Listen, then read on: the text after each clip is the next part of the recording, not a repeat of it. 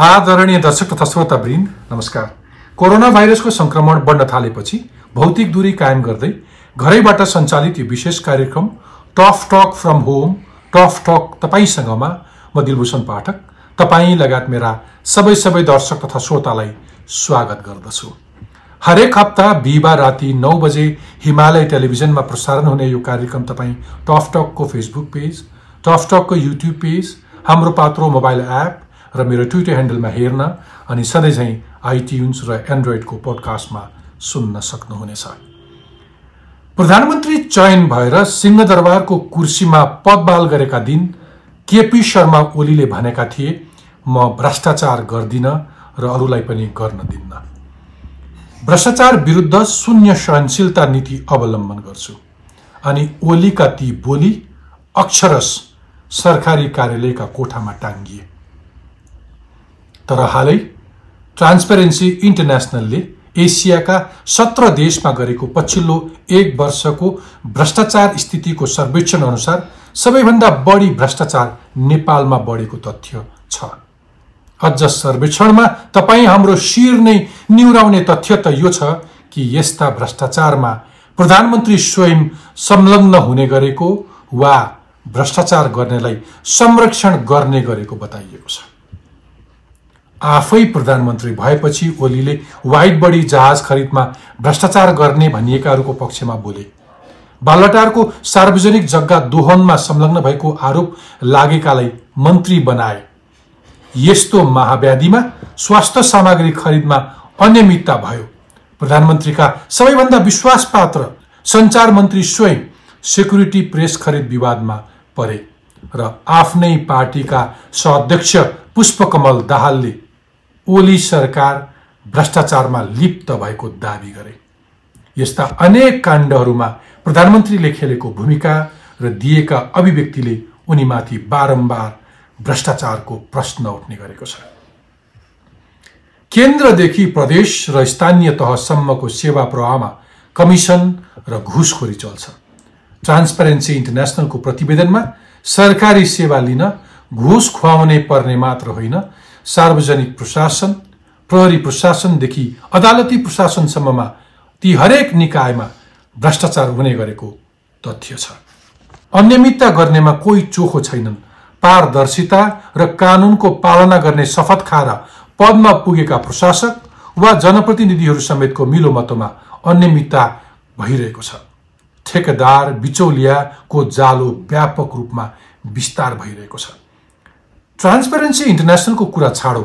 महालेखा परीक्षकको गत वर्षको छप्पन्नौ प्रतिवेदनले सरकारी संयन्त्रभित्र आर्थिक अनियमितता र आर्थिक अनुशासनमा आएको गिरावटको विद्रूप तस्बिर देखाएको थियो। जस अनुसार कानुन उल्लङ्घन गरेर लापरवाही रूपमा गरेको खर्चको बेरोजी रकम छ खर्ब तिरासी अर्ब पुगिसकेको छ। महालेखाकै प्रतिवेदनले औँलाएको आर्थिक अपारदर्शिता र अनियमितताका कुरालाई हालै ट्रान्सपेरेन्सी इन्टरनेसनलको प्रतिवेदनले झन पुष्टि गरिदिएको छ। तर यो सरकार भ्रष्टाचार नियन्त्रणका उद्देश्यले स्थापित अख्तियार दुरुपयोग अनुसन्धान आयोग तथा सम्पत्ति शुद्धिकरण जस्ता संस्थालाई प्रभावकारी बनाउनुको सट्टा उल्टो भ्रष्टाचारलाई राजनीतिकरण गर्न खोज्दैछ र भन्दैछ भ्रष्टाचार बढ्यो भन्नेहरू प्रतिक्रियावादीहरू हुन् पुनरुत्थानवादीहरू हुन्। नेपालमा भ्रष्टाचारको अवस्था किन यसरी बढेर गएको हो? राजनीतिक दलका नेता र सरकार सञ्चालन गर्नेहरू किन भ्रष्टाचारमा लिप्त छन्? हाम्रा शासकीय संरचनामा आर्थिक अनुशासन कतिसम्म बिग्रिएको छ? ठेकेदार र कमिसनको जालो कस्तो छ? भ्रष्टाचार नियन्त्रणमा सरकारको कस्तो भूमिका हुन्छ? अनि आम जनता तथा मतदाताले भ्रष्टाचारीलाई कसरी दण्डित गर्न सक्छन्? यस्तै प्रश्नको जवाब खोज्न आजको संवादमा मैले नेपाल सरकारका पूर्व सचिव तथा ट्रान्सपेरेन्सी इन्टरनेसनल नेपालका अध्यक्ष खेमराज रेग्मी अख्तियार दुरुपयोग अनुसन्धान आयोगका पूर्व सचिव तथा भूतपूर्व कर्मचारी सेवा परिषदका अध्यक्ष माधव घिमिरे र भ्रष्टाचार विरुद्ध कलम चलाउने भ्रष्टाचारको शल्यक्रिया विदेशी सहायताका विसङ्गति र रजगज नामक भ्रष्टाचार सम्बन्धी पुस्तकका लेखक तथा ई कागज डट कमका प्रधान सम्पादक हरिबहादुर थापालाई निम्त्याएको छु। आउनुहोस् स्वागत गरौँ। आजका मेरा तिनैजना अतिथिहरूलाई। तपाईँहरू सबैलाई tough talk from home tough talk तपाईँसँगमा स्वागत गर्न चाहन्छु। धन्यवाद छ धन्यवाद। म आजको संवाद खेमराज रेग्मीजीबाट सुरु गर्न चाहन्छु। अ, खेमराजजी ट्रान्सपेरेन्सी इन्टरनेसनलको पछिल्लो प्रतिवेदनले एसियाका सत्रवटा देशमध्ये नेपालले भ्रष्टाचारलाई उछिनेको प्रतिवेदन सार्वजनिक गर्यो यसको अर्थ के? अब नेपालमा भ्रष्टाचार अचाक्ली बढेको हो। अब यो नेपालका मानिसहरूसँग जनताहरूसँग चाहिँ यो ट्रान्सप्यारेन्सी इन्टरनेसनल को हेड क्वार्टर जो बर्लिनमा छ उसले एउटा चाहिँ स्वतन्त्र संस्था मार्फत अध्ययन गराएर निकालेको निष्कर्षले चाहिँ के भन्यो भने नेपालका अन्ठाउन्न प्रतिशत चाहिँ जो सर्वेमा संलग्न भए उनीहरूले नेपालमा विगत एक वर्षमा भ्रष्टाचार बढ्यो भनेर उनीहरूले चाहिँ आफ्नो विचार व्यक्त गरे। अब यो भ्रष्टाचार किन बढ्यो कहाँ बढ्यो भन्ने कुराहरू धेरै उसले चाहिँ विभिन्न चाहिँ क्षेत्रका चाहिँ तथ्याङ्कहरू पनि चाहिँ दिएको छ। त्यस हुनाले अब यो रिपोर्टलाई आधार मान्ने हो भनेदेखिलाई चाहिँ अधिकांश मान्छेले अन्ठाउन्न प्रतिशत चाहिँ नेपालीहरूले नेपालमा भ्रष्टाचार बढेको छ भन्ने आफ्नो चाहिँ अभिमत जाहेर गरेका छन्। एउटा जगजाहेर तथ्य के हो भने तपाईँहरू दुवैजना पूर्व सचिव हुनुहुन्छ तपाईँहरूलाई कतिको पर्छ तर कुनै एउटा नागरिक नहोला जसले जग्गा पास गर्न जाँदाखेरि मालपोतमा अथवा नापी विभागमा अथवा यातायातको कार्यालयमा घुस नदिएको घटना होस् जगजाहेर छ। ट्रान्सपेरेन्सी इन्टरनेसनल भनेर उही विदेशी संस्था भने पनि नेपालभित्रै अख्तियार लगायतका संस्थाहरूले गरेका अनेकन अध्ययन अनुसन्धानमा पनि त्यो कुरा देखिन्छ। तर यो पटक चाहिँ ट्रान्सपेरेन्सी इन्टरनेसनलको रिपोर्टमा त्यति मात्र होइन कि स्वयं नेपाली मिडिया अथवा नागरिक समाजले भने जस्तो प्रधानमन्त्री नै पनि भ्रष्टाचारको भ्रष्टाचारमा संलग्न भएको अथवा संलग्न हुनेहरूको बचाउ गर्ने त्यसलाई प्रोत्साहन गर्ने काममा लागेको भनेर उहाँको पनि नाम आयो होइन। यसले के सङ्केत गर्छ? अब यसले के भने अब जस्तो धेरै प्रतिशतले अधिकांशले भनौँ न जसले त्यो सर्वेक्षणमा भाग लिए उनीहरूले चाहिँ भ्रष्टाचार बढ्यो भनेपछि सायद त्यहाँ क्रस क्वेसन भएको हुनुपर्छ। के कारणले बढ्यो त भनेर भन्ने कुराहरू आयो। यो चाहिँ यो ग्रान्ड करप्सन भन्छ ठुला करप्सनहरू जसलाई नीतिगत करप्सन पनि भनेर भनिन्छ। हो त्यो नीतिगत करप्सनमा नेपालको एन्टी करप्सन बढी भन्नाले चाहिँ अख्तियार दुरुपयोग अनुसन्धान आयोग चाहिँ उदासीन रह्यो। त्यसमा तत्परता देखाएन भन्ने कुरो यहाँ छ। जबकि चाहिँ अरू कुराहरूमा चाहिँ सकारात्मक चाहिँ धारणा देखियो। एन्टी करप्सन बढीहरूमा भनौँ।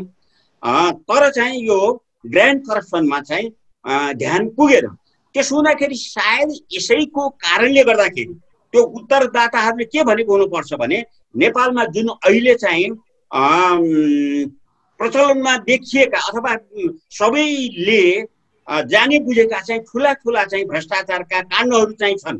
चाहे व्हाइट बडी प्रकरण होस् चाहे चाहिँ सेक्युरिटी प्रिन्टिङ प्रेस खरिद गर्दाखेरिको चाहिँ अडियो काण्ड चाहिँ होस् चाहे रिसोड जुन चाहिँ करिब तिन हजार चाहिँ रोपनी जग्गा छ कुनै एउटा चाहिँ व्यापारिक प्रतिष्ठानलाई चाहिँ अस्वस्थ प्रतिस्पर्धाको चाहिँ अथवा स्वस्थ प्रतिस्पर्धा नग नगरिकन दिएको चाहिँ होस् यी सबै कुराहरूले गर्दाखेरि पब्लिकहरूमा के पर्यो भने भनेदेखिलाई चाहिँ प्रधानमन्त्री भनेको छ त्यहाँ इन्स्टिट्युसनको कुरामा गर्दाखेरि।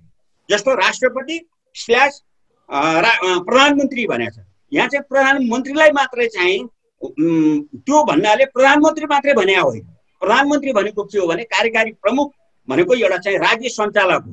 राज्य सञ्चालकहरूमा उहाँलाई सहयोग गर्ने को हुन्छ भन्दाखेरि अब प्रधानमन्त्री मन्त्रीहरू अनि त्यसपछि सल्लाहकारहरू र उहाँका चाहिँ सेक्रेटरिएटका चाहिँ विज्ञहरू अथवा चाहिँ सहयोगीहरू हुन्। उनीहरू चाहिँ कति प्रतिशत चाहिँ भ्रष्ट छन् त भन्दाखेरि अधिकांश भ्रष्ट छन् भन्ने प्रश्नमा चाहिँ पचास प्रतिशतले चाहिँ प्रधानमन्त्री भन्ने एउटा इन्स्टिट्युसनमा चाहिँ अधिकांश भ्रष्ट छन् भन्ने चाहिँ दिएको छ।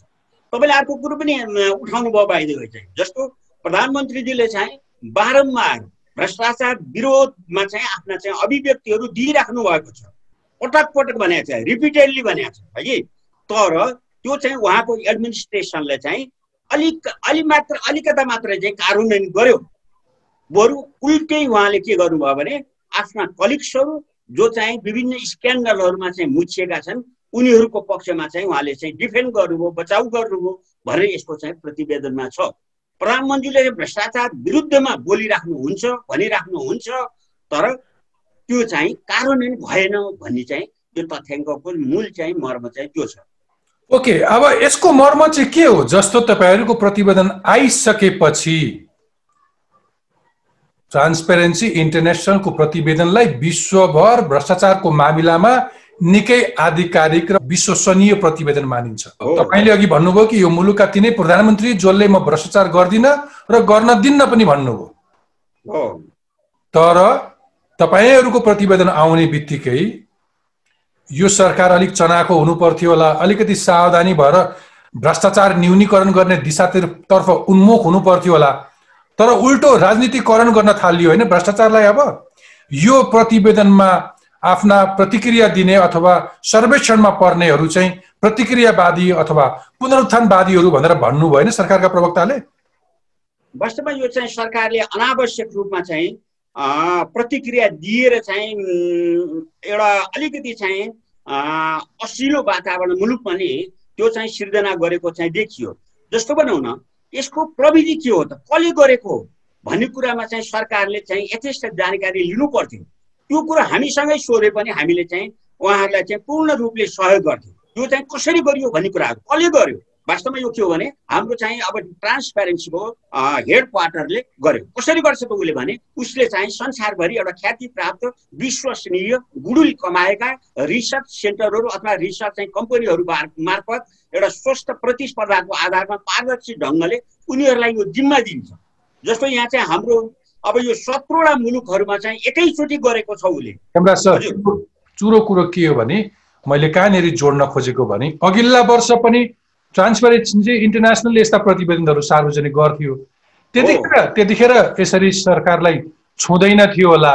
यो पटक छोएर फटाफट आफ्नो प्रतिक्रिया जनाएर ट्रान्सपेरेन्सी इन्टरनेसनलको प्रतिवेदनमा प्रश्न उठाउनु भनेको चाहिँ अघि तपाईँले जोड्न खोजेको त्यो नीतिगत भ्रष्टाचार मौलायो ठुला भ्रष्टाचारहरूमा सरकार हाँक्नेहरूको संलग्नता देखियो। त्यो देखिसकेपछि अनि यो प्रतिवेदन आएपछि चोरको दारीमा सिङ्का छ भनेर भन्दाखेरि फटाफट सिङ्का झार्न खोजे जस्तो होइन? अब करिब करिब त्यही भनौँ न किनभने अब यो चाहिँ नेपालका एक हजार मानिसहरूमा चाहिँ यो एउटा डिजिटल यो डायलिङ सिस्टमबाट चाहिँ ऱ्यान्डम डिजिटल डाय त्यो चाहिँ डायल माध्यममा चाहिँ आरडिडी भन्ने चाहिँ प्रक्रिया अप्नाएर नेपालका चाहिँ एक हजार मानिसहरूमा चाहिँ प्रश्न यो क्वेसनर दिएर गरिएको कुरो हो। रिसर्चमा रिसर्च मेथोडोलोजीमा कुनै बुझ्ने मान्छेले प्रश्नै गर्दैन। ठिक भन्नु झन्डै तिन दशक पुरानो एउटा संस्था। हो। संसारभरि उसले प्रशस्त रिसर्च गर्छ यसरी नै प्रतिवेदन बनाउँछ। उसको रिसर्च मेथोडोलोजीमा नजाउँ। हामी कहाँ छौँ? हाम्रो धरातल कहाँ छ? हामी कति भ्रष्टाचारमा डुब्यौँ? चिन्ता त्यो हो। ट्रान्सपेरेन्सी इन्टरनेसनलको रिपोर्टमा म म चोखो छु भनेर कुनै दोष लाउने बाटोमा जानै हुँदैन। अझ बुझ्ने मान्छेहरूले के भन्छन्? भ्रष्टाचारमा काम गर्ने मान्छेहरूले के भन्छन् भने भ्रष्टाचारलाई हामीले राजनीतिकरण गरेर यति हलुका बनायौँ। यो मान्छेले भ्रष्टाचार गरेछ भनेर भनिदिन्छौँ मन नपरेको मान्छेलाई। तर मुलुकमा भ्रष्टाचार अध्ययन गर्ने अनुसन्धान गर्ने खोज नीति गर्ने संस्थाहरूले इमान्दार भएर काम गर्न सकेनन्। त्यसकारण भ्रष्टाचार आरोप लगाएको मान्छे पनि कहिले पुष्टि पनि भएन। अनि यो जसले पनि जसलाई पनि दोष लाउँदाखेरि भनिदिने विषय हो। यो भ्रष्ट हो यसले भ्रष्टाचार गरौँ भन्ने हिसाबले त्यसलाई यसरी राजनीतिकरण गऱ्यौँ कि अब यो सामान्य स्वाभाविक जस्तो भयो। कुनै कुनै मान्छे भ्रष्ट भन्दा मान्छेले स्वीकार्न थाल्यो समाजले। होइन? परिस्थिति परिस्थिति त्यही हो। ओके अब म माधव घिमिरेजीकोमा जान चाहन्छु। पूर्व कर्मचारी सेवा परिषदका अध्यक्ष पनि हुनुहुन्छ र स्वयं अख्तियार दुरुपयोग अनुसन्धान आयोगको सचिव भएर पनि काम गरिसक्नु भएको छ। माधव प्रसादजी भनिदिनुहोस् तपाईँले पछिल्लो पटक सरकारको प्रतिक्रियालाई कसरी लिनुभएको छ? तपाईँलाई के लाग्छ? मुलुकमा अलिकति सम्हालिन सक्नु खालको अथवा अलिकति चिन्ताजनक अवस्थामा पुगेका हौँ नीतिगत भ्रष्टाचार अलिक अचाकली बढेको हो। यसमा दिलभूषणजी एउटा कुरा म के यहाँ भन्न चाहन्छु भने अब कार्यकारी प्रमुख नै यो संरक्षण गर्नुभयो भन्ने जुन आरोप आरोप भनौँ न प्रतिवेदनमा आयो त्यो चाहिँ चिन्ताजनक विषय हो। चिन्ताजनक यस अर्थमा कि उहाँले त त्यो सुन्ने बित्तिकै त्यसमा कारवाही गरिहाल्नु पर्ने कार्यकारी प्रमुखको जिम्मा त्यही नै हो। त्यसलाई बढ्न नदिने त्यसलाई समाजमा त्यसको प्रतिक्रिया राम्रो नहोस् भन्नका लागि प्रयत्न गर्नुपर्ने हो। तर त्यो प्रयत्न भएन आफूले बोलेका कुरा पुरा भएन उल्टो संरक्षण भयो भनेर ट्रान्सपरेन्सी इन्टरनेसनलले सिरियस भएर त्यो नोट चाहिँ लेखा हुनुपर्छ। जस्तो कि अब चिनमा पनि त संसारभरि जाँतै भ्रष्टाचार छ कम बेसीको कुरा हो। अब चिनमा राष्ट्रपतिले नै भ्रष्टाचार निर्मूल गर्छु नियन्त्रण गर्छु भन्नुभयो र त्यही अनुसार उहाँले धेरै आफ्नै पार्टीका मान्छेहरूलाई समेत कारवाही गरेर थुनामा राखिदिनु भएको छ। दस लाख मान्छेलाई दुई हजार दुई हजार तेह्रदेखि दुई हजार सोह्रसम्म गएको तिन तिन वर्षको अवधिमा चिनिया सरकारले आफ्ना कर्मचारी दस लाख कर्मचारीलाई कारवाही गरेको छ अफिसियल्सलाई। कारवाही गरेको छ। त्यस कारणले कारवाही गर्दाखेरि पनि त्यहाँ चाहिँ भ्रष्टाचार निर्मूल त भएको छैन नत्र त निर्मूल भइसक्यो भन्नु पर्थ्यो त्यही कारण भ्रष्टाचार निर्मूल हुने कुरा होइन। तर सरकारले त्यसमा कारवाही गर्नको लागि कति तदारुकता देखायो कति काम गर्यो त्यसमा चाहिँ सरकारको विश्वसनीयता कायम गर्न कतिको चाहिँ यसले प्रमोसनल एक्टिभिटिज गर्यो भने महत्त्वपूर्णका कुरा त्यो हो। अब यो ट्रान्सपरेन्सी इन्टरनेसनलको एउटा त्यो प्रतिवेदनमा एउटा कुरा चाहिँ के छ भने बाह्र प्रतिशत भोटर्सहरू लाई पनि भ्रष्टाचारमा संलग्न भए भन्ने कुरा पनि त्यो प्रतिवेदनमा छ। त्यो सिरियस कुरा अर्को छ त्यहाँ फेरि अब म आफै पनि र खेमराज सर पनि हामी यो के अरे पर्यवेक्षण समितिमा विभिन्न ठाउँमा गएका थियौँ। चुनाव पर्यवेक्षण समितिमा। त्यो जाँदाखेरि त्यहाँको हाम्रो जियोको प्रतिनिधिले ल सर यो अरू कुरा भाषण इत्यादि कुरा छोडिदिनुहोस् भरे म एक ठाउँ लैजान्छु मोटरसाइकलमा त्यहाँ गएर तमासा हेर्नु सरहरूले कतिको लेख्न सक्नुहुन्छ म बुझाएको छैन ल लान्छु भनेर हामी बेलुका गयौँ। नवलपरासीको कुरा हो। बेलुका जाँदाखेरि त्यहाँ त पुरा बार्गेनिङ भइराखेको रहेछ। पुरा ठाउँ ठाउँका मान्छेहरू त्यहाँ आएर पैसाको खेल त्यहाँ हुँदो रहेछ भन्ने कुरा त्यहाँबाट थाहा पा थाहा पायौँ। अब त्यो चाहिँ मलाई लाग्छ भविष्यको लागि त्यसले साह्रै नराम्रो सङ्केत चाहिँ दिएको छ। भोटर नै कराप्ट भएपछि एकले एउटाले पचास हजार देला अर्कोले एक लाख देला डेढ लाख हातमा पऱ्यो तर हाल्ने त एउटालाई हो भोट। त्यस कारण त्यो एउटा चाहिँ बडो नराम्रो चाहिँ ट्रेन बसेको जस्तो लाग्छ। यो गराउनेमा अब चुनाव नै ज्यादै खर्चिलो भयो पैसा खर्च गरेपछि जितिन्छ। म पत्रकार हरिबहादुर थापाजीकोमा जान चाहन्छु। हरिबहादुर थापाजी करिब तिन दशक पत्रकारिता क्षेत्रमा हुनुहुन्छ र उहाँले नेपालका धेरै ठुल्ठुला भ्रष्टाचारहरू तिनमा संलग्नहरू समेतका तिन फरक फरक पुस्तक लेख्नु भएको छ। मैले अघि पृष्ठभूमिमा भने हरिजी मेरो अघिल्लो प्रोग्राममा आएर कसैले भनेको सम्झिन्छु? बारका अध्यक्ष भइसकेका शम्भु थापाले सर्वोच्च अदालतमा न्यायाधीशहरू घुसिया छन्। न्यायालय घुस खान्छ भनेर भन्नुभयो। महालेखा परीक्षकले तलको स्थानीय सरकारदेखि केन्द्रीय प्रदेश केन्द्रीय सरकारमा संलग्न राजनीतिज्ञ कर्मचारी सबै भ्रष्टाचारमा लिप्त छन् भनेर भन्नुभयो। तपाईँलाई मैले सोधेँ कि तपाईँको विचारमा सबैभन्दा बढी भ्रष्टाचार कहाँ छ? सबैभन्दा बढी भ्रष्टाचार चाहिँ राज्य सञ्चालकहरूमा छ। राज्य सञ्चालक जसलाई चाहिँ आम मतदाताले भ्रष्टाचार नियन्त्रण गर्ने दायित्व दिएर पठाएका हुन् अरू अङ्ग जसरी हामीले अख्तियार अरू अङ्गहरूको बारेमा छलफल गरेका छौँ ती त कहिलेकाहीँ शक्ति असन्तुलित भएको बेलामा शक्ति सन्तुलनका लागि क्रियाशील संस्था हुन्। राज्य स्वयंले नै भ्रष्टाचार नियन्त्रण गर्नुपर्ने अवस्था छ। र अहिले जुन खालको विवाद आएको छ यो खालको विवाद आउनुको पृष्ठभूमि चाहिँ ख्याल गर्ने हो भने जति पनि ठुला भ्रष्टाचार काण्ड आए त्यसपछि प्रधानमन्त्रीको दुईवटा अभिव्यक्ति आयो। भ्रष्टाचार भएकै छैन वाइट बरी प्रकरण आयो। वाइट बरी प्रकरण आएपछि त्यसलाई त छानबिनमा लग्नुपर्ने हो त्यसमा भ्रष्टाचार भएको छैन भनेर प्रधानमन्त्रीले भन्नुभयो। त्यही दिन उहाँले ढाकछोप गर्नुभयो। त्यो चाहिँ म नै अदालत हुँ भन्ने जस्तै आइएम द स्टेटको शैलीमा त्यो अभिव्यक्ति आयो। त्यसपछि संवैधानिक संसदको लेखा समितिले छानबिन गरेर अख्तियार दुरुपयोग अनुसन्धान आयोगलाई छानबिन गर्न फाइल पठायो। तर त्यो त्यो छानबिन गर्न पठाउने प्रक्रियाप्रति पनि प्रधानमन्त्रीले असन्तुष्टि व्यक्त गर्दै मन्त्री परिषदबाट अर्को जाँचबुझ आयोग भयो भनेपछि त्यसले अख्तियारले पनि अलि पर गएर छानबिन गर्ला भन्ने डर उहाँलाई भयो। तर त्यो कारणले गर्दा अख्तियार पनि डरायो कि प्रधानमन्त्रीले नचाहेको भन्ने भएपछि उसले पनि यसलाई अगाडि बढाउन चाहेन। त्यसपछिका अहिले खेमराज सरले जे जति पनि प्रकरणहरू बाहिर ल्याउनु भयो ती प्रकरणहरूमा जो उच्चारण गरिसक्नु भएको छ मैले ती नामहरू लिन। तर ती प्रकरणहरू बृहत खालका भ्रष्टाचारका थिए भ्रष्टाचार काण्ड थिए। त्यसको छानबिन भएर निष्कर्ष पाएको भए अहिलेको यो पिक्चर फरक आउँथ्यो किन प्रधानमन्त्रीले जुन अभिव्यक्ति दिनुभएको थियो भ्रष्टाचार गर्दिन गर्न दिन्न भन्नुभएको थियो। गर्न दिन्न भन्नेको अर्थ चाहिँ उहाँले जसरी संरक्षण गर्नुभयो एकदम त्यो कुखुराले आफ्नो बच्चालाई छोपे जसरी संरक्षण गर्नुभयो सत्तरी करोडको टेप प्रकरणमा एक दिन मात्रै कारवाहीमा जेलमा अथवा नियन्त्रणमा राखे भए पनि दृश्य फरक हुन सक्थ्यो। हाम्रो आम नेपालीको चाहना किन? एकचोटि कारवाही भइसकेपछि प्रधानमन्त्रीप्रति हेर्ने दृष्टिकोणै फरक पर्थ्यो। तर काण्ड आयो ठुलो मान्छे उहाँकै निवासमा बसेको तर कारवाही भएन। त्यो दृश्यले के हुन्छ त? अझ मलाई के लाग्छ भने जुन खालको यो रिपोर्ट आयो पर्सेप्सन रिपोर्ट आयो सर्वेक्षण आयो त्यो अझै कम हो। अहिले राज्य सञ्चालकहरूसँग जोडिएर बिचका बिचौलियाहरूले हरेक खालका ठेक्का पट्टा पनि उनीहरूको नियन्त्रणमा गइसकेको छ कब्जामा गइसकेको छ। एक किसिमले भने स्टेट क्याप्चरको स्थिति छ पारदर्शी ढङ्गले कुनै काम हुन सक्ने अवस्था छैन। यो सबै कुरा तथ्य बाहिर आइसकेर त्यो बुझेको मान्छेहरूले मत दियो भने फरक दृश्य आउन सक्छ। तपाईँको रजगजको पनि एउटा प्रसङ्ग छ। मलाई सोध्न मन लागेको कस्तो भने पुस्तकको एक सय पैँतालिस पृष्ठमा केही सांसदहरूलाई अख्तियारले बयानका लागि बोलाएको प्रसङ्ग छ अनि त्यहाँ चाहिँ नेताहरूलाई ठुलै रकम बुझाएर सांसद बनेको हुँ भनेर उनीहरूले बताएको कुरा छ। अथवा दुई हजार बैसठी त्रिसठीको जनआन्दोलनपछि हाम्रो चुनावी प्रणाली अलिकति नयाँ खालको आयो। समानुपातिक कोटामा पर्नको लागि नेताहरूले पैसा बुझाएर सांसद बन्ने किसिमको विकृति पनि देखियो। त्यसैले पनि राजनीतिमा अलिक बढी भ्रष्टाचार बढ्यो भनेर भनिन्छ।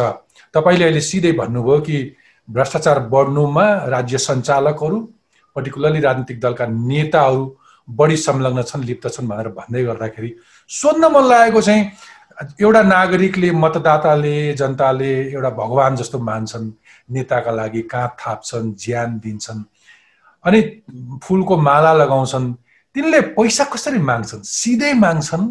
त्यति गिर्न सक्छन्। तपाईँले लगाएको आरोप ती ती मतदातालाई विश्वास गर्न अलिक गाह्रो हुन्न।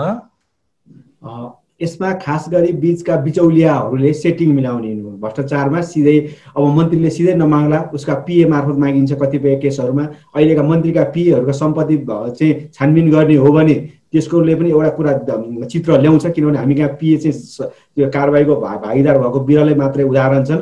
बिचमा आउने बिचौलियाहरूको खेलहरूले र सिधै मन्त्रीले नमाग्ला तर ल्याउने बुझाउने पात्रहरू छन्। ती पात्रहरूले नै यो खालको चाहिँ दृश्यहरू मञ्चन गर्ने हुन्। त्यो कारणले गर्दाखेरि यसमा चाहिँ हामी अब त्यो जसरी चाहिँ अघि तपाईँले उच्चारण गर्नुभयो म चाहिँ संसदमा संसदको लामो समय रिपोर्टिङ गरेको। विगतका सबै पनि राजनीतिक दलहरूको त्यो उनीहरूका प्रोफाइल हेर्नुभयो भने सबैका जेल नेल बसेका यति लामो छन् चौध पन्ध्र वर्ष बसेका जेल नेल बसेका नेताहरू यी त एकदम इमान्दार हुनुपर्ने सबै कृष्णप्रसाद भट्टराई मनमोहन अधिकारी हुनुपर्ने भन्ने हाम्रो आम मान्यता हो आम प्रचलन हो। तर पछिल्लो समयमा उनीहरूका घरबार दरबार र उनीहरूका उनीहरूको शैली जीवनशैली हेर्नुभयो भने एकदम हामीले जुन सोचेका थियौँ त्यो परिकल्पनाभन्दा बाहिर पाउँछौँ। र उनीहरूकै सांसदहरूकै तपाईँको जीवन डायरी हेर्नु सबै जेल नेलका र एकदम एकदम लो लेभलबाट आएको त्यही जीवन बताउँछ तर अहिलेको उहाँको त्यो त्योसँग कुनै पनि तालमेल खाँदैन। जीवन पद्धतिले त्यही भन्छ। जसरी अघि तपाईँले व्यापारीको कुरा गर्नुभयो दुई हजार छप्पन्न सालमा एकजना सांसद चाहिँ व्यापारी चाहिँ सांसद बन्न चाहे राष्ट्रिय सभामा ती ती सा तिनले चाहिँ ती व्यापारीले समर्थक र प्रस्ताव पनि पाएनन्। तर दुई हजार पैँसठी सालमा तपाईँले हेर्नुभयो भने सबै दलहरूले एकदम रातो कार्पेट बिछाए जो चाहिँ अथा सम्पत्तिका मालिकहरू थिए तिनीसँगै के भने पैसाको चलखेल व्यापक भयो अब त तिनीहरूले नै जम्मा पारेर दिन्छन् अरू धेरैतिर तपाईँले भने माग्न जानु पर्दैन। तिनीहरूले नै उनीहरूको आफ्नो स्वार्थ पुरा गर्न तिनै सांसद तिनै जो त्यो घरानाबाट आएका छन् उनीहरूको उद्देश्य पूर्तिका लागि त्यही उनीहरूले चलखेल गराउँछन् र कानुन पनि उनका अनुकूल बन्छन्। अब चाहिँ के हो भने खतरनाक डरले अब अघि हाम्रो खेमराज सरले भने जस्तै नीतिगत भ्रष्टाचारको मात्रा चाहिँ व्यापक हुँदै गयो। ठुल्ठुला ठेक्कापट्टा चाहिँ टेन्डर आह्वान हुँदैन क्याबिनेटले निर्णय गर्न थाल्यो र अर्को चाहिँ विभिन्न पञ्चाउँदै लिएर आफ्नो अनुकूलका मान्छे अथवा आफ्नो ठेकेदारका पुर्याउने चलखेलहरू व्यापक मात्रामा बढ्दै गएको छ। यो कुराहरूको चाहिँ अझ छानबिन गर्नुपर्ने दायित्व राज्य सञ्चालक हो तर राज्य सञ्चालकलाई सञ्चालकको चाहिँ के देखिन्छ भने व्यवहार बोली चाहिँ मिठो आउँछ तर व्यवहार चाहिँ ठ्याक्कै तिनले संरक्षण गरेको। सबै यो त छता थुल्ला छ यो नाटक मञ्चन गर्न भित्र भूमिगत केही पनि छैन। खुला रूपमा तपाईँको आम तहमा आएका छन् कुन चाहिँ कारवाही पर्यो त तपाईँले अघिल्लो अघि रिपोर्ट पनि जुन खेमराज सरले भन्नुभयो तिन सय एकसठी एकाउन्नजनालाई अघि वर्ष कारवाही भएको। तर त्यहाँ एकजना पनि पोलिटिसियन छन् सबै घरदार सुब्बा र कतिपयले त आत्महत्या पनि गरे घुसमा समातेको एक हजारवाला छन् आत्महत्यामा दृश्य पनि मञ्चन भइसकेको छ भने अब तपाईँले जो नेताहरू छन् ती त कारवाही परेका छन् जो नीतिगत करप्सनमा संलग्न छन् जो नीतिगत निर्णय गरेर चाहिँ वृहत प्रकृतिका भ्रष्टाचार गर्छन् तिनीमाथि कारवाही हुँदैन। र यसको खतरा के छ भने यो ठुला भ्रष्टाचारले हुँदै गर्दाखेरि पैसाको चाहिँ पलायन हुन्छ तिनले पैसा यहाँ राख्नेवाला छैन त्यो पैसा राख्यो भने कुनै न कुनै दिन अख्तियार सक्रिय भने फेरि कारवाहीमा पर्ला भनेर पैसा पनि विदेश पुर्याइरहेका छन्। पुँजी पलायनको पनि एकदम भयावह र डरलाग्दो स्थिति छ। त्यो डरलाग्दो स्थितिमा चाहिँ किन अब अख्तियारले छानबिन गरेर त अब धेरैले त कुनै बेला त कारवाही गर्न सक्छ नि अख्तियारले। त्यो भएर पैसा पनि बाहिरिने क्रम एकदम डरलाग्दो भएको छ। यो अर्को पनि त तथ्य छ हरि चाहिँ फेरि अर्को संसारभरिको घटनाहरू हेर्ने हो भने अहिले आसक्ति भएर लोभ भएर पापी भएर त्यसरी भ्रष्टाचार गरेर पैसा अन्त अकुत जम्मा गरेर राख्यो तर कुनै एउटा परिस्थितिमा त्यहाँका देशका विदेशी ब्याङ्कहरूको नियम आदि इत्यादिका कारण जफत भएका घटनाहरू पनि छन्। अनि त्यो भोग चलन गर्न नपाउने तर त्यत्रो आसक्ति भएर जम्मा गर्नु अनि समाजमा बदनाम मात्रै हुनु पनि राम्रो होइन नि। यो पनि एउटा चेतना होस् भन्ठान्छु म भ्रष्टाचार गर्नलाई। अर्को चाहिँ एउटा तानासालाई जसरी एउटा नागरिकले घिसार्दै कारवाही गर्छ अथवा उसलाई सत्ताच्युत गर्छ त्यस्तै भ्रष्टाचारहरूलाई आम जनताले कसरी तह लगाउन सक्छन्? तपाईँले राज्यको जिम्मेवारी भन्नुभयो तर नागरिकको तहमा मतदाताको तहमा पनि केही जिम्मेवारी होला। म तपाईँकोमा पछि आउँछु तर म खेमराज रेग्मीजीकोमा यसमा यसमा एक मिनट मात्रै बोले। खास गरिकन नागरिकहरूले तिनीहरूसँग बदला लिने भनेको हामी यता लोकतन्त्रमा विश्वास गर्ने देश र त्यसमा हाम्रो त्यो पद्धतिमा हिँडेको कारणले गर्दाखेरि हामीले मतदानकै बेला चाहिँ उनीहरूलाई पन्छाउने हो। नागरिकलाई प्राप्त अधिकार त्यही हो र अनि राज्य सञ्चालक जो छन् तिनलाई चाहिँ किनभने हामीले मत त तिनलाई दिएर पठाएको कुनै अख्तियारलाई दिए होइन। हामीले राज्य सञ्चालकलाई नै जवाबदेही बनाउने हो र त्यो संयन्त्रलाई कसरी प्रभावकारी बनाउन सकिन्छ र अरू राज्यका अख्तियार मात्रै होइन। हामी त प्रशस्त यन्त्रहरू संयन्त्रहरू छन्। ती संयन्त्रहरू पनि प्रभावकारी रूपले चाहिँ काम गर्नुपर्छ। खेमराज रेग्मीजीकोमा जान चाहन्छु। ट्रान्सपरेन्सी इन्टरनेसनलको अध्यक्ष हुनुहुन्छ। खेमराजी तपाईँहरूको प्रतिवेदन हेऱ्यो भने हुन त आम नेपालीले नबुझेको होइन। सरकारी काम लिन जानु पर्यो भने कुनै पनि कार्यले अघि मैले भने कि अख्तियार दुरुपयोग अनुसन्धान आयोगको तथ्य छ उनीहरूको अनुसन्धानको निष्कर्ष छ कि मालपोत गाउँपालिका नगरपालिका नापी कार्यालय जिल्ला प्रशासन कार्यालय आन्तरिक राजस्व कार्यालय खानेपानीको कार्यालय यी सबैमा यी घुस बुझाउनै पर्ने कार्यालय। हो यी सबै घुस बुझाउनु पर्ने कार्यालयहरू हुन्। होइन? तपाईँको तपाईँहरूको संस्थाको प्रतिवेदनले पनि भन्यो कि घुस नखाइकन कामै हुँदैन। सायद जनताले भनेको खोजेको लोकतन्त्र यो बिल्कुलै हुँदै होइन। तर एउटा साधारण नागरिक अत आवश्यक सेवा लिनका लागि दैनिक जान जानुपर्ने ठाउँमा काम गराए बापत यसरी अतिरिक्त जुन दस्तुर बुझाउनु पर्छ यो यो किन यसरी बढ्यो र यसको यसको जालो छ नि यो घुसको जालो? तपाईँ त सचिव भएर काम गरिसकेको त्यो कसरी फैलिएको हुन्छ? एउटा खरदार मुखियाले कर्मचारीले तपाईँहरू जस्ता सचिवहरूलाई बुझाउनु पर्ने तपाईँहरूले कुनै मन्त्रीलाई बुझाउनु पर्ने कसरी मौलाइरहेको छ यो? वास्तवमा भ्रष्टाचार नियन्त्रण गर्ने काम भनेको चाहिँ अहिले सरकारले सम्पूर्ण रूपमा चाहिँ अख्तियारलाई चाहिँ सुम्पे जस्तो देखिन्छ। वास्तवमा भ्रष्टाचार नियन्त्रण गर्ने निकाय अख्तियार दुरुपयोग अनुसन्धान आयोग होइन। त्यसले त के भने भ्रष्टाचार गरिसकेको मान्छेलाई अनुसन्धान गरेर अदालतको ढोकासम्म पुर्याउने र सजाय दिलाउने काम त्यसको वास्तवमा भ्रष्टाचार नियन्त्रण गर्ने काम भनेको चाहिँ सरकारको हो। सरकारमा पनि सरकार प्रमुखको हो। सरकार प्रमुखले मुलुकमा भएका विभिन्न चाहिँ जुन संरचनाहरू चाहिँ छन् ती संरचनाहरूलाई प्रयोग गरेर अनि भ्रष्टाचार नियन्त्रण गर्न सकिने हुन्छ। मन्त्रीले भ्रष्टाचार गरेका छ भने प्रधानमन्त्रीले चाहिँ तत्काल चाहिँ फायर गर्न सक्नु पर्यो। सचिवले डाइरेक्टरले गरेका छ भने मन्त्रीले अथवा सरकारले गर्नु पर्यो। कार्यालय प्रमुखले गरेका छ भने डिजीले सुपरभिजन मोनिटरिङ गरेर बदमासी गरेका छन् तुरन्त उसले चाहिँ प्रशासनिक कारवाही गरेर उसलाई चाहिँ सजाय दिनु पर्यो। तपाईँले अहिलेसम्म चाहिँ भ्रष्टाचार गरेका मन्त्रीहरूलाई सचिवहरूलाई कहीँ कतै कुनै कुनामा अलिकता पनि स्पष्टीकरणसम्म सोधेको थाहा पाउनु भएको छ। मेलम्ची खानेपानी योजनामा तत्कालीन सचिवले मन्त्रीले चाहिँ घुस माग्यो घुस नदिएका कारणले गर्दाखेरि यस्तो भयो उसो भयो भनेर चाहिँ भने होइन पत्रकार सम्मेलनै गरेर न त्यो मन्त्रीलाई कारवाही भयो न त्यो चाहिँ सचिवलाई कारवाही भयो। दुवै चाहिँ यथावत भयो उनीहरू कोही अब रिटायर भयो होला भन्नाले के भयो भन्नु होला भने राज्य सञ्चालकहरू जुन आफ्नो प्राथमिक कर्तव्य हो भ्रष्टाचार नियन्त्रण गरेर सुशासन जनतालाई चाहिँ दिने कर्तव्यबाट नै च्युत भए जस्तो देखियो। जस्तो हिजो अस्ति बरु पञ्चायतकालमा के हुन्थ्यो? दौडाहरू हुन्थे अनि कहीँ बदमासी कुनै हाकिमले गरेका छन् देन एन्ड दियर कारवाही गरेर त्यसलाई खोसेर हिँड्ने अवस्था पनि थियो। हामीले पनि यसलाई ठिक छ तत्कालै नखोल्ने त तानासाई अवस्था व्यवस्थामा जस्तो नगरे पनि कमसेकम उसलाई एउटा प्रशासनिक कारवाही गरेर त्यसलाई चाहिँ नसेत दिने त्यसलाई त्यसका ग्रेप रोकुवा गर्ने घटुवा गर्ने यी सबै प्रबन्धहरू त कानुनमा छ नि। लागू भयो। त्यसो हुँदाखेरि के भयो भनेदेखिलाई चाहिँ अघि मैले भने जो मन्त्रीहरू छन् सांसदहरू छन् उनीहरू सम्पूर्ण राज्य कोषमा चाहिँ आँखा लगाएका छन्। त्यहाँबाट कसरी खाने धुत्ने भन्नेमा मात्रै उनीहरूको दत्तचित्त छ।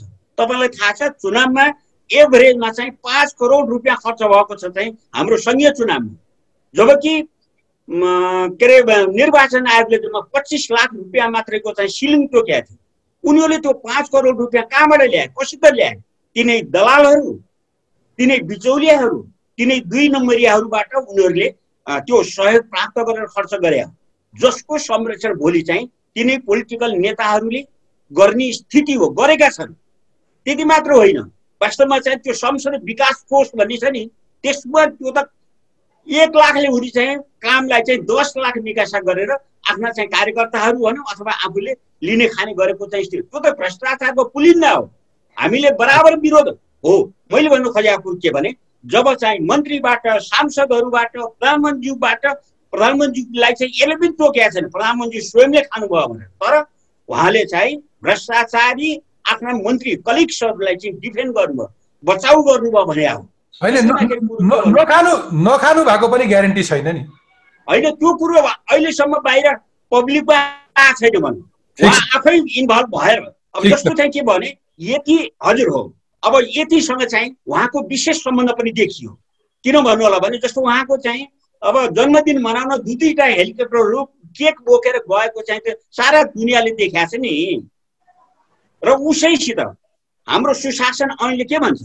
जसित चाहिँ स्वार्थ जोडिएको हुन्छ त्योसित चाहिँ सरकारी कारवाही के अरे काम कारवाही लिने दिने गर्नु हुँदैन। स्वार्थ जोडिएको अफ इन्ट्रेस्टको कुरा गर्नु कन्फ्लिक्ट हो। तर यहाँ चाहिँ त्यो सबै देखियो। त्यसो हुँदाखेरि भन्नु खोजा कसरी रोक्ने भनेको यो चाहिँ सफाइ गर्ने भन्ने हुन्छ नि। माथिबाट सफाइ गर्दै ल्याउनु पर्ने हुन्छ। तलबाट तपाईँले सफाइ गर्ने चाहिँ प्रयास गर्नुभयो भने त्यसले हुँदैन। हो। अब त्यो अख्तियारले गरेका धिना मसिना कारवाहीलाई पनि पब्लिकले चाहिँ त्यसलाई सकारात्मक रूपमा लिइदियो र आफ्नो विचार व्यक्त गर्यो। होइन राम्रै गरेछ है भनेर। तर किन चाहिँ प्रधानमन्त्रीको चाहिँ नामै तोक्यो भनेर भन्दाखेरि सायद भ्रष्टाचारमा खेमराजी खेमराजी तपाईँलाई बेला बेलामा तपाईँको यो ट्रान्सपेरेन्सी इन्टरनेसनलको रिपोर्टमा सरकारका प्रवक्ताले दोष लगाउँदै गर्दा तपाईँलाई मनमा यस्तो लागेन कि यो यो पछिल्लो वर्ष अघि हरिजीले भने जस्तै मिडियाहरूले यति धेरै ठुल्ठुला भ्रष्टाचारका श्रृङ्खलाहरूको पर्दाफास गरे कि एउटा इन्टरनेसनल इन्स्टिट्युसनले यहाँ रिसर्च गरिरहनै पर्दैन। यो घाम जस्तो छर्लङ्ग छ कि एकपछि अर्को भ्रष्टाचारका काण्डहरू मुलुकमा घटिरहेका छन् र शासकहरू नाङ्गिरहेका छन्। होइन यसमा त हरेक नागरिकले बुझेको कुरा यसमा यसमा तपाईँ अस्वीकार गर्नुहुन्छ मेरो प्रश्न? त्यो त्यो देखियो नि। हामीले यहीँबाट पनि बराबर हामीले चाहिँ वास्तवमा हामी त के भने सरकारको सहयोगी हो। यहाँ चाहिँ अनेक क्षेत्रमा हामीले चाहिँ सदाचार कायम गर्नका लागि हामीले चाहिँ त्यो चाहिँ प्रचार अभियान एकातिर चलाएको भने ठिक छ। मैले के मात्रै भने भने आम नागरिकले उठाएको प्रश्न पत्रकारहरूले आम संसारले उठाइरहेको कुरामा ट्रान्सपेरेन्सी इन्टरनेसनलको रिपोर्टले उसले गरेको सर्वेक्षण र उसले पछि पब्लिस गरेको रिपोर्टले त्यसलाई जस्टिफाई गरे पुष्टि मात्रै गरे। अझ वार्षिक प्रतिवेदन योभन्दा पत्याउने चित्रण सहितको प्रतिवेदन अबको एक दुई वर्ष एक दुई महिनामा आउला सायद। त्यतिखेर फेरि छलफल सम्वाद गरौँला। म माधव प्रसाद घिमिरेजीकोमा जान चाहन्छु। माधव प्रसाद घिमिरे कर्मचारी सेवा परिषद पूर्व कर्मचारी सेवा परिषदको अध्यक्ष पनि हुनुहुन्छ। अख्तियार दुरुपयोग अनुसन्धान आयोगको सचिव भएर पनि काम गर्नुभयो। पूर्व प्रशासक हुनुहुन्छ। माधव प्रसादजी मलाई अलिकति कर्मचारीको पोइन्ट अफ भ्यूबाट सोध्न मन लाग्यो। धेरै कर्मचारीहरूले गुनासो गर्छन् कि हामीलाई राजनीतिक दबाव छ। अहिले वडा तहमा गयो गाउँपालिका नगरपालिकामा प्रदेशमा अथवा केन्द्रमा। कर्मचारीहरूको गुनासो के भने राजनीतिज्ञहरूको यति ठुलो दबाव हुन्छ कि उनले एउटा राम्रो ठेक्का पट्टा पनि अनुशासनमा बसेर गर्न दिन्नन् आफ्ना मान्छेहरू पार्न खोज्छन्। हरेक ठाउँमा हामीलाई त दबाव हुन्छ भनेर भन्छन्। तर म त स्वीकारी पनि हाल्दिनँ जहाँ राजनीतिक नेतृत्व हुँदैन। कर्मचारीहरूले चलाएका संस्थामा पनि अघि मैले भनेका नाम लिएका संस्थाहरूमा घुस नखाइकन काम चल्दैन। तर पनि तपाईँलाई मैले अवसर दिएँ। मेरो प्रश्न के हो भने कर्मचारीहरूले सिकाएको हो राजनीतिज्ञहरूलाई भ्रष्टाचार गर्ने बाटाहरू। सुरुवात त्यहीँ हो। कि उनले नगरी नहुने सुखै नदिने स्थिति सिर्जना गरे। अब कर्मचारीहरूको गुनासो के छ त? भने अब निर्णय गर्ने प्रक्रियामै हस्तक्षेप हुन्छ। निर्णय गर्दाखेरि ठेक्कापट्टा दिँदाखेरि त्यहाँ हस्तक्षेप हुन्छ। ऐनले प्रष्ट रूपमा के भनेको छ भने यति रकम यति रकमभन्दा माथि यति रकमभन्दा माथि सचिव स्तरभन्दा माथि निर्णय प्रक्रिया जानु हुँदैन। भन्ने प्रशासनको नियम छ। र हाम्रो ऐनले पनि त्यही कुरा भन्छ।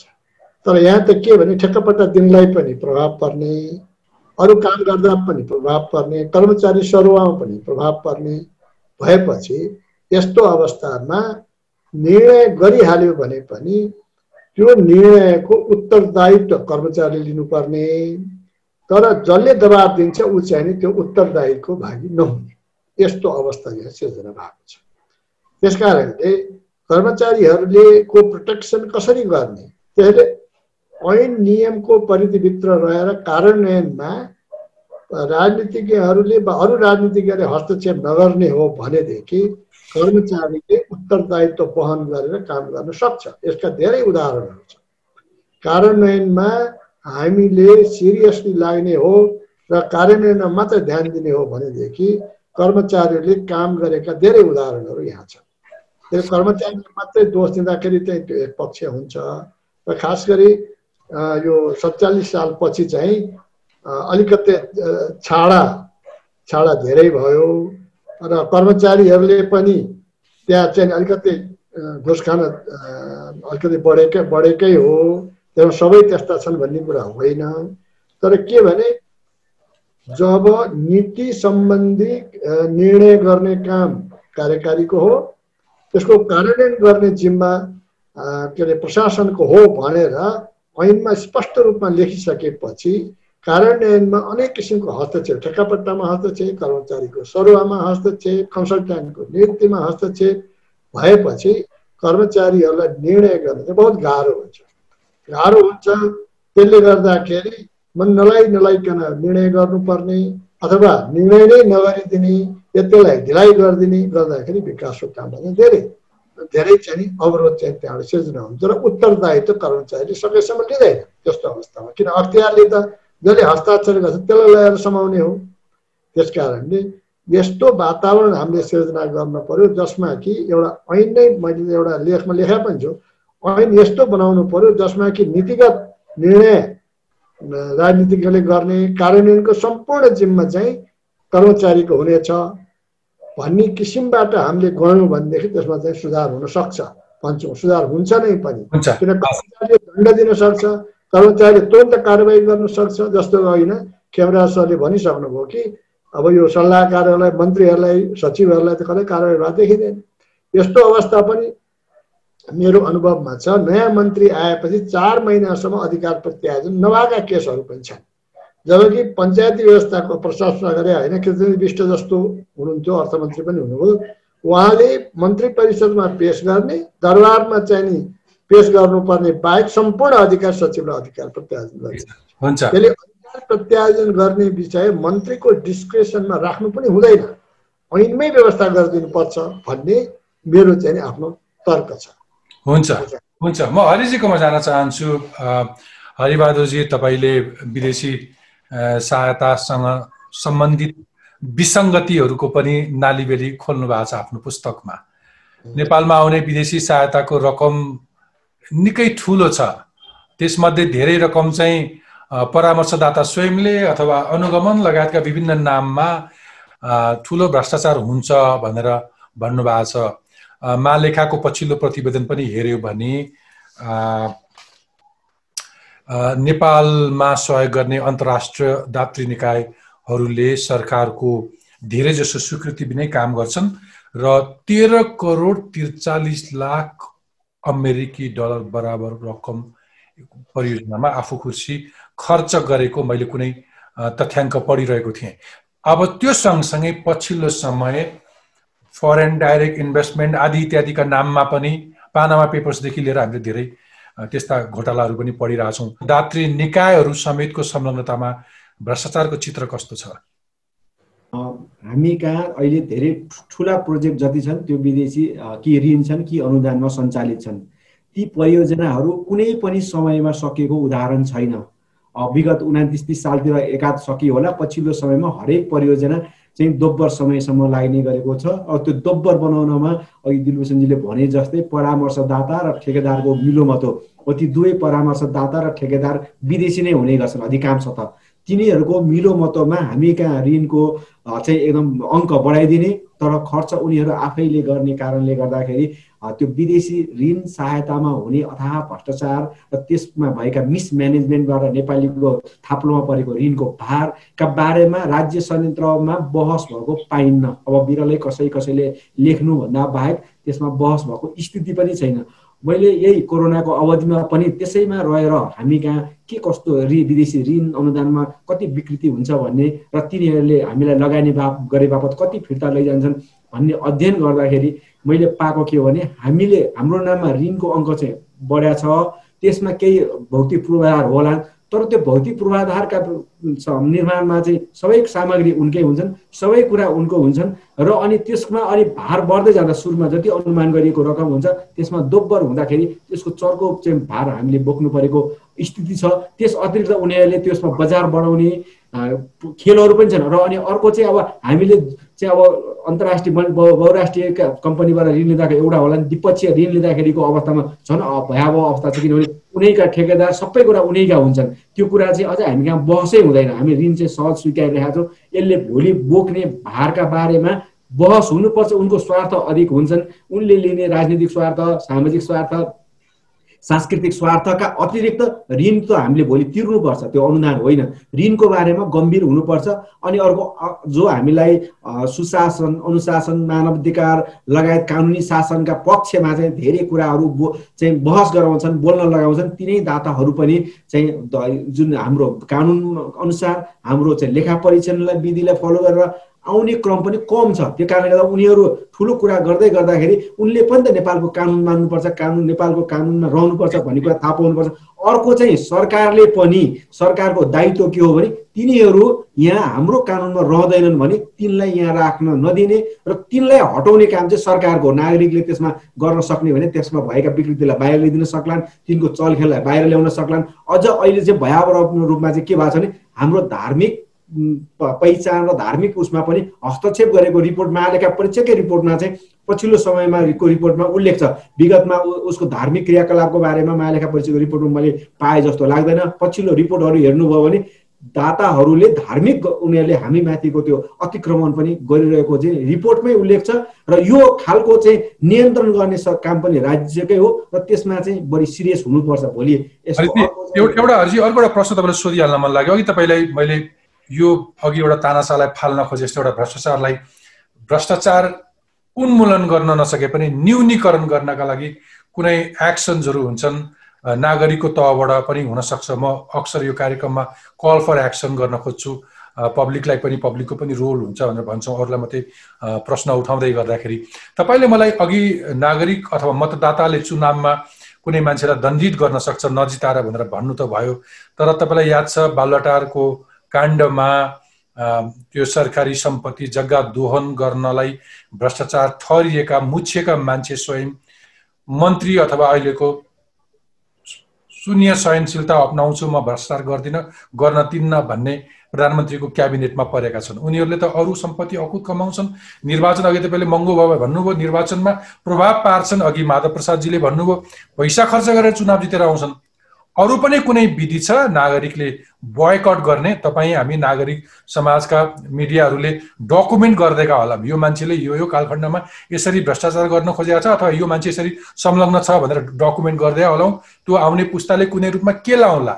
तर नागरिकको तहबाट चाहिँ उसले के गर्न सक्छ? खास गरी हाम्रो रा राजनीतिक कर्मीहरूले मैले विकास लगेँ ल्याएँ भनेर जुन भोट माग्ने जुन पद्धति छ र त्यसैलाई विश्वास गरेर चाहिँ मतदान गर्ने प्रवृत्ति छ त्यो नै खतरनाक हो।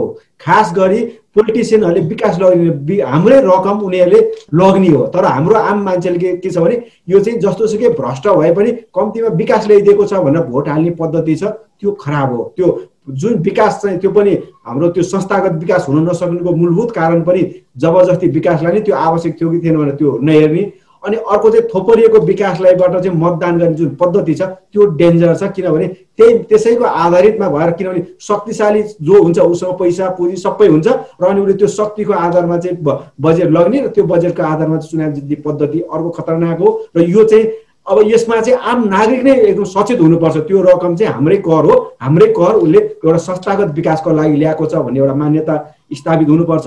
अनि अर्को चाहिँ आम नागरिककै एउटा पोस्चर बनाउने कुनै पोलिटिसियन खराब छ भने त्यो पोस्चर बनिसकेपछि त्यसलाई चाहिँ फेरि शासन सत्तामा प्रवेश गर्नु नदिने माहौल नबनेसम्म चाहिँ फेरि भ्रष्टाचार चाहिँ न्यूनीकरण हुन असम्भव छ। किनभने अहिले हाम्रो सरहरूले पनि भन्नुभयो कर्मचारीहरू ले त पहिलोचोटि त सिकाउला नि दोस्रोचोटि मन्त्री भइसकेपछि ती मन्त्रीहरू यति बाठा हुन्छन् कि कर्मचारीलाई नै त्यो भ्रष्टाचार गर्न बाध्य भन्ने त्यही गर्छन्। त्यसपछि बारम्बार मन्त्री हुनेहरूले त अनि बिचौलिया मार्फत त सेटिङ गराउँछन् कर्मचारीहरूलाई शाखा हामीसँग अनगिन्ती उदाहरणहरू छन्।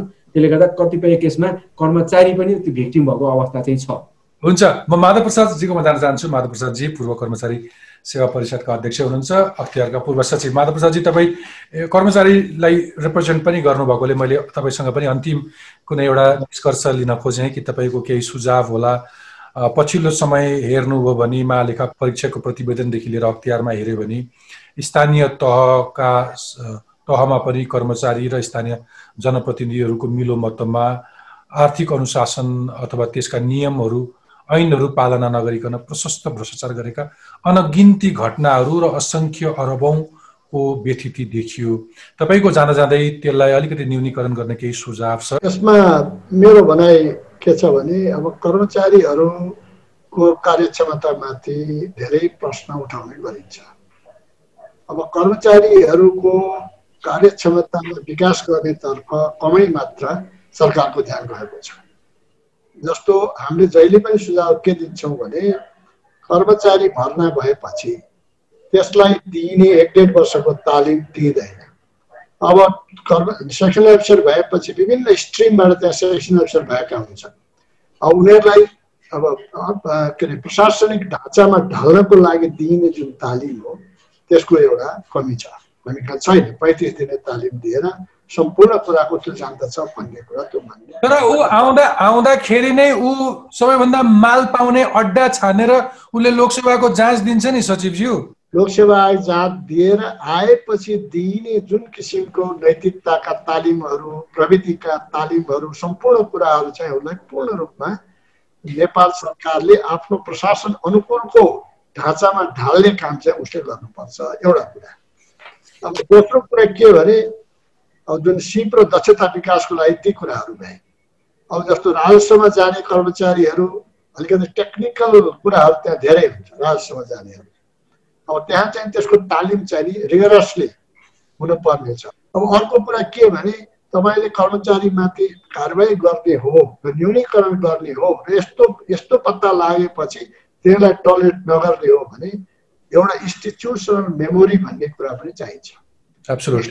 ले रेकर्ड राख्ने प्रथा चाहिँ त्यहाँ हुनुपर्छ अब म एकैछिन एकटा लियो म विश्व ब्याङ्कमा काम गर्दाखेरि विश्व ब्याङ्कमा मैले काम गर्दा जसले जो मैले जसलाई भेट्थेँ जो मलाई भेट्न आउँथ्यो everything had to be recorded तर दण्डहीनतालाई कुनै हालतमा सहनु हुँदैन ऐनमा त्यो कुरा प्रष्ट रूपमा छ यसो गरेमा यसो दण्ड दिने भन्ने कुरा प्रष्ट छ खालि के भने कार्यकारीले त्यो दण्ड दिने विल पावर चाहिँ देखाउनु पर्यो र दण्ड दिएर हेर्नु पर्यो। अनि मात्रै केही मात्रामा चाहिँ नियन्त्रण होला सम्पूर्ण रूपमा नियन्त्रण नभए पनि तर मुख्य कुरा के भने कार्यकारीहरूले भ्रष्टाचार गर्दैन भनेर त्यही अनुसार व्यवहार गरेर कार्यान्वयन गर्ने हो भने मलाई लाग्छ एट वान स्ट्रोक आधा भ्रष्टाचार समाप्त हुन्छ। प्रधानमन्त्रीले कसैलाई सुनपानी छर्किने होइन? छर्किनु हुँदैन त्यसरी। उहाँको त्यो जिम्मा पनि होइन उहाँको उत्तरदायित्व जिम्मा हुँदै होइन हुन्छ हुन्छ। म अब बिट मार्छु खेमराज रेग्मीजीबाट। खेमराजी तपाईँबाटै मैले संवाद सुरु गरेका थिएँ। मैले अघि पनि भन्न चाहन्छु कि नागरिक समाजमा एक किसिमको चेतना आओस्। तपाईँलाई के लाग्छ? ट्रान्सपरेन्सी इन्टरनेसनलले प्रतिवेदन मात्रै सार्वजनिक गर्दैन होला। भ्रष्टाचार न्यूनीकरणका लागि तपाईँहरूले केही अभियान सञ्चालन गर्नुहुन्छ क्याम्पेन गर्नुहुन्छ। चेतनामूलक कार्यक्रमहरू पनि सञ्चालन गर्नुहुन्छ। खासमा नेपालमा नागरिक स्तरबाट चाहिँ भ्रष्टाचारका बारेमा कति धेरै सचेतना पाउनु भएको छ अथवा नागरिकको साइडबाट उसको रोल के हुन के हुनसक्छ म जहिले पनि चाहन्छु कि समाजको सम्पूर्ण विकृतिलाई न्यूनीकरण गर्न नागरिकको भूमिका हुन्छ। उसले कर्मचारीले घुस माग्यो यो सरकार करप्ट छन् मेरा नेता करप्ट भए भनेर भनेर पन्छिन पाउँदैन किनभने त्यसमा ऊ आफै इन्भल्भ छ। वास्तवमा चाहिँ यो रिपोर्टले पनि के सुझाव दिएको छ भने वास्तवमा भ्रष्टाचार नियन्त्रण गर्नको लागि सबैभन्दा मुख्य जिम्मेवारी भनेको चाहिँ सरकार हो। सरकारले चाहिँ आफ्नो प्रतिबद्धता सहितको चाहिँ दृढ सङ्कल्प सहित चाहिँ भ्रष्टाचार नियन्त्रण गर्न लाग्नुपर्छ भनी छ त्यसको अर्थ के हो भने यो ओठे प्रतिबद्धता मात्रै जनाएर हुँदैन। त्यो चाहिँ कार्यान्वयनमा जानुपर्छ सबै सबै सरकारी कार्यालयको ढोकामा म घुस खान्न म भ्रष्टाचार गर्दिनँ भनेर लेखिया छ। तिनको तल बसेर पैसा थाप्दा रहेछन् घुस खान्छ हो त्यसो हुँदाखेरि के भने त्यो चाहिँ छातीमै म भ्रष्टाचार गर्दिनँ भनेर दिनदिनै चाहिँ भनौँ न त्यो टाँसेर हिँडे पनि वास्तवमा त्यसले अर्थ राख्दैन। मूल कुरो के भने कार्यान्वयन हो। अब अर्को कुरो तपाईँले जुन सोध्नुभयो भने बहुत राम्रो। त्यो पनि यसले चाहिँ सुझाव दिएको छ। दोस्रो कुरो के भनेदेखिलाई चाहिँ जस्तो मिडिया अथवा चाहिँ नागरिक समाज भनेको एउटै अङ्ग हुन् भन्दा पनि हुन्छ। अब उनीहरूले चाहिँ सशक्त भन्ने शब्द छ त्यहाँ चाहिँ। सशक्त अभियान चाहिँ नचालेसम्म भ्रष्टाचार नियन्त्रण हुन सक्दैन। सरकार प्रमुखको भ्रष्टाचार नियन्त्रण गर्ने इमान्दारी पूर्वकको प्रतिबद्धता। हामीले यसलाई यसरी प्रयोग गर्छ र अनि नागरिकहरूको चाहिँ सशक्त अभियान यो दुई दुई कुरो नभइकन हुँदैन। वास्तवमा चाहिँ के भने भ्रष्टाचारीहरूलाई चाहिँ हामीले विभिन्न चाहिँ भनौँ न विभिन्न नारी समाजहरूले विभिन्न चाहिँ अभियानहरू पनि चलाउनु भयो भ्रष्टाचारीलाई किरा परोस् भन्ने पनि भयो। धेरै कुराहरू चाहिँ तर त्यसले के भने सङ्गठित रूप अझै पनि लिन सकेको अवस्था छैन। अझै पनि समाजमा के छ भने जुनसुकै तरिकाले चाहिँ पैसा कमाएको होस् त्यो चाहिँ अब हुने खाने हुन्छ। उसैप्रति मान्छेको चाहिँ आकर्षण हुने उसैले सम्मान पाउने जुन यो एउटा चाहिँ सामाजिक चाहिँ दृष्टिकोण छ वास्तवमा त्यो पनि गलत छ। अनि यो यो सम्पत्ति शुद्धिकरण अथवा अख्तियार दुरुपयोग अनुसन्धान आयोग भन्ने संस्थाहरू चाहिँ यी सेता हात्ती हामीले कर तिरेको करले यिनलाई पाल्नु मात्रै पर्ने अनि यिनलाई मन लागेको मान्छेलाई डाम्ने अनि अनि अलिकति बचाउनु पर्ने मान्छेलाई बचाउँदा पुग्छ। यिनी यिनको जवाबदेही त के हुन्छ?